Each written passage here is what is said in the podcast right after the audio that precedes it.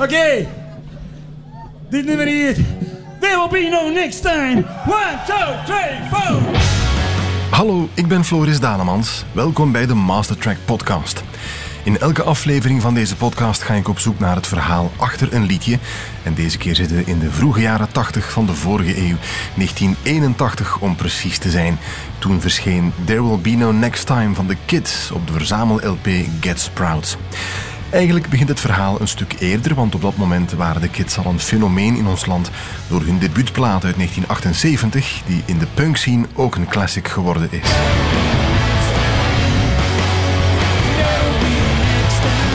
Kids live in de AB op een podium waar ze nog een stuk potiger klinken dan wat je op hun studio-opnames hoort. Zo zijn ze wel de Kids, recht toe recht aan en luid. En toch sprak ik met Ludo Mariman, de frontman van de Kids, op een verrassend stil plekje. In deze aflevering van Mastertrack There Will Be No Next Time van The Kids.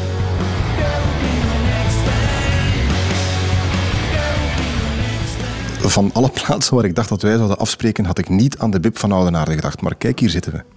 Wel, uh, u had gevraagd om een rustige plek, dus een bibliotheek is altijd een rustige plek. Hè? Een beetje logisch dan. Hè? Het lijkt mij naar de kids toe en naar jou toe een tegendraadse plek, een, een plek van rust opzoeken. Jullie maken toch graag lawaai, lijkt mij.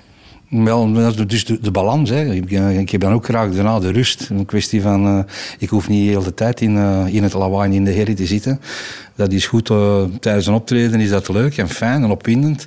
Maar daarbuiten ben ik eigenlijk eerder, eerder een rustige, iemand die van de rust houdt, ja.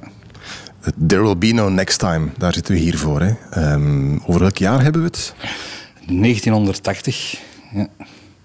En ja, wat wil je daarvan weten?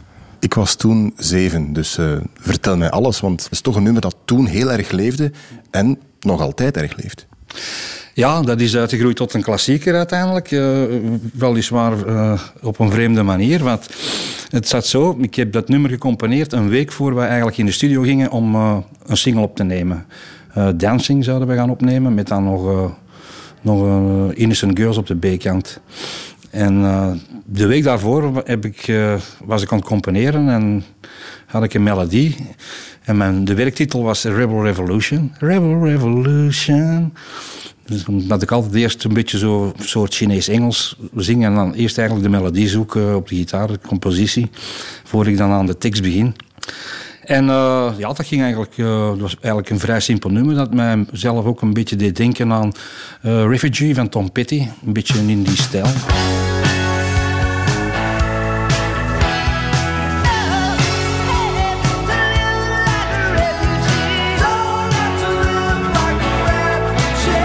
Zo dacht ik ook van, ja, dat zit er wel in. Dan ben ik eraan beginnen werken aan de tekst toen de melodie op punt stond een beetje, ben ik aan de tekst beginnen werken. En toen had ik, ja, in die tijd, we waren al heel, heel uh, beroemd in Vlaanderen en, en populair. En ja, wij genoten daar met volle teugen van. Dus ik had zoiets van een soort uh, ode van, ja, je moet hier en nu leven. En het idee wat binnen niks staan, dus nu moet het pakken, nu moet het er vergaan. En uh, zo is dan Deo Be Next Time ontstaan. Dus dan werd het, in plaats van Rebel Revolution, werd het dan Deo Be Next Time. Bon, en dan, uh, ja, elke keer als ik een nieuw nummer had, was dat voor mij het beste nummer dat ik had geschreven. Dus ik was heel enthousiast. Dus dan had ik al een beetje zoiets van, ja, maar dan gaan we juist een single opnemen en dan neem ik een ander nummer. Ik denk, ik, stelde voor, laat ons uh, dat er nog aan bij opnemen, nu toch in de studio zijn. Voor die twee nummers, we gaan daar rap repeteren nog. En dan uh, smijten we dat er gewoon mee op. En uh, zo gebeurde dus. We zijn naar studio gegaan. We hebben dus uh, gewerkt aan Dancing opgenomen. Dan uh, Innocent Girls opgenomen. En toen hadden we nog wat tijd en hebben we gezegd, kom, we, flansen dat erop in. En hebben we eigenlijk in één of twee takes hebben we dan Deo en Extra nog achter gezet. En ja, voor ons als de groep vond op die manier toch een eerst... Ja, Deo en Extra zou toch beter zijn als single dan Dancing. Dancing was meer een poppy nummer en Deo en Extra zat eigenlijk meer in de rock. No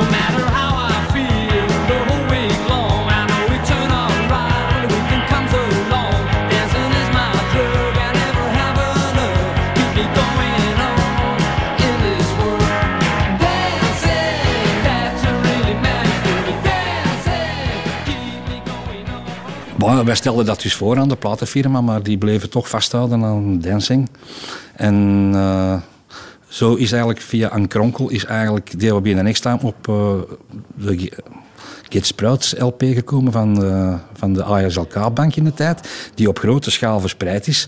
DWB en Extra stond daar als eerste nummer op en zo is dat eigenlijk zijn eigen leven gaan leiden en is dat uiteindelijk uitgegroeid tot een klassieker. Hoewel uh, nooit een single is geweest. Ik heb die LP, Get Sprouts. Veel mensen. Zoals veel mensen, inderdaad. Ja, heel veel mensen, hè. dus dat, dat blijkt achteraf. En uh, daarom is dat eigenlijk uh, op een vreemde manier toch een klassieker geworden. Ik heb gek genoeg nooit een rekening gehad bij de ASLK, maar die LP die heb ik wel. Ja, ja voilà, is dat. ik ook. Jullie hebben het eigenlijk heel erg snel en simpel opgenomen, want jullie hadden nog wat tijd over. Is dat de reden waarom het nummer zo, ja, zo gebald is?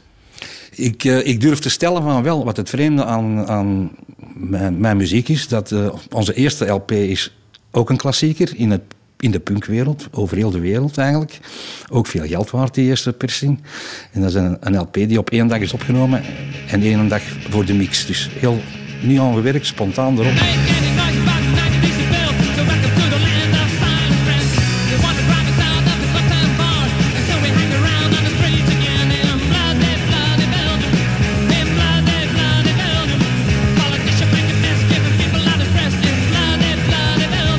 En dat werkte toen. En met deden we binnen niks per ongeluk, omdat het dan eigenlijk een bijkomer was, hadden we ook niet veel tijd. En hebben we dat ook maar erop geflanst. En dat blijkt dan ook weer een klassieker te zijn. Dus ik heb een vermoeden dat hoe langer dat je eigenlijk aan nummers werkt in de studio, hoe, hoe kunstmatiger het wordt en hoe, hoe, meer dat je van sprankel, sprankel uh, verliest.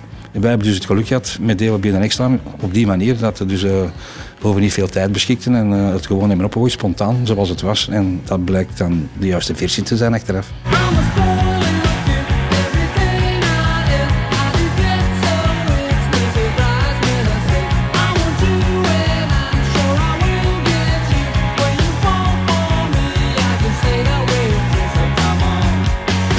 Aan de tekst gewerkt? Het, het verwende mannetje dat uh, heel graag uh, feestjes afgaat en zo? Ik moest gewoon aan mijn eigen spiegel kijken en, en dan, uh, dan was het er. Hè. Het was een beetje ja, hoe, hoe, dat ik mij op die moment voelde en hoe dat ik in het leven stond. En dat heb ik eigenlijk proberen te vertalen. In, hoe dat ik op die manier dacht en, en, en leefde. Het is een nummer dat ja, het komt op, op heel veel vuiven nog altijd voorbij. Het wordt nog altijd heel veel op, op parties gedraaid. Uh, het is een nummer waar je geweldig goed op kunt dansen. Het heeft ook veel te maken met, met de kanals van die snare drum, denk ik.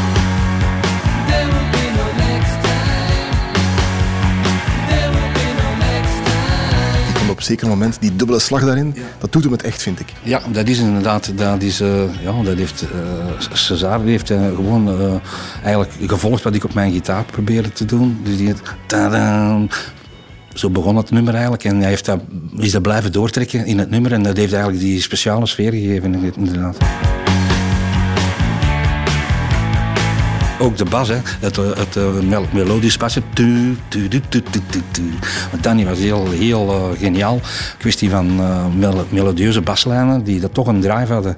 Dat is ook een beetje het geheim. En bij mij was het, mijn akkoorden, ik ben dan de ritmegitarist, dat was eigenlijk altijd maar gewoon doorspelen. Dus dat geeft dan de, het tapijt eigenlijk een beetje. Dus, en alles kwam dan samen en dan Luc die vulde dat dan op zijn manier in. En dan, het leuke is ook de solo van Luc. Die hebben we eigenlijk uit twee takes gehaald en die hebben we in de helft aan elkaar geplakt. Daar waar de gitaar in de solo in de helft omhoog gaat, dat is eigenlijk een andere teken. En, en dat paste dan ook in eerste wonder wel ook in elkaar. Dus dat is eigenlijk de enige trucage die eraan gebeurd is. Het nummer uh, slaat behoorlijk, vind ik. Het is een, uh, het is een, een, echt typisch vroege jaren tachtig nummer. Het is geen, geen vrolijkheid die ervan afspat. En op zeker moment, als die, die chorusgitaar erin komt, dan krijg je even respijt, maar daarna gaat het weer vol een bak. Hè.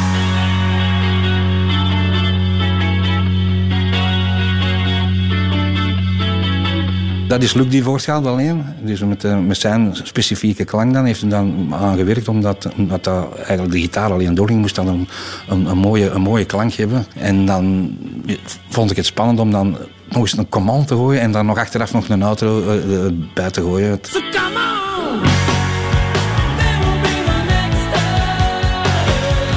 Die moment in... Uh, toen had ik zo'n beetje de outro's ontdekt. Zo. Want in het begin was het bij ons niet met de kids, was dan veel minder. eh, met de punkperiode. En, uh, maar toen hield ik wel van auto's die zo langzaam wegveden. Dus ik vond dan, er moet nog een, een outro bij komen. Dus achter dat stil stukje hebben we dan gewoon die command gedaan en dan laten ontploffen. En dan uh, blijven doorgaan met de hoge zang totdat het uitgestorven is. Ja, het is bijna, de refreinen zijn allemaal tweestemmig ook zeker hè? Ja, ja. Het is uh, Luc en ik. Hè. Ja. Ik pak de, de lead vocals. Luc heeft daar in de refreinen vooral de backing vocals en op de outro ook.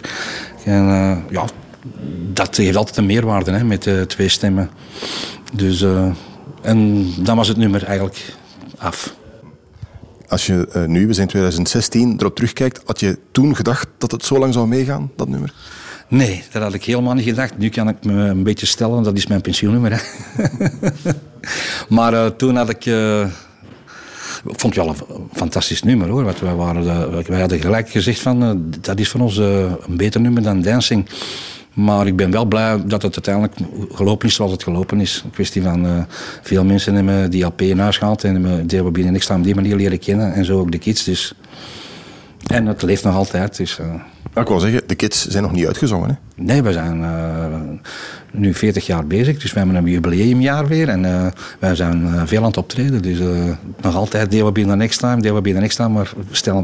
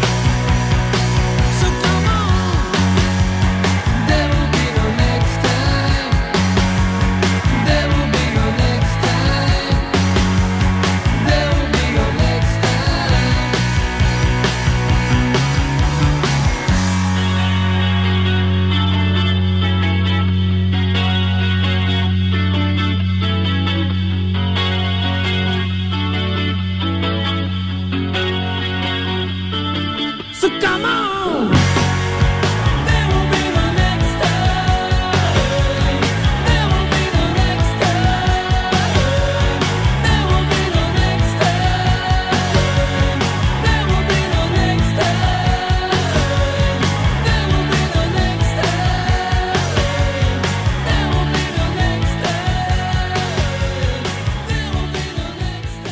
uit. Kids and There Will Be No Next Time. Je vindt meer info over de Kids in de show notes van deze podcast of via onze website radio1.be. Klik daar op podcast en ontdek ook alle andere afleveringen van Mastertrack en van alle andere Radio 1 podcasts. Commentaar en suggesties zijn altijd welkom op mastertrack.radio1.be. Tot de volgende keer.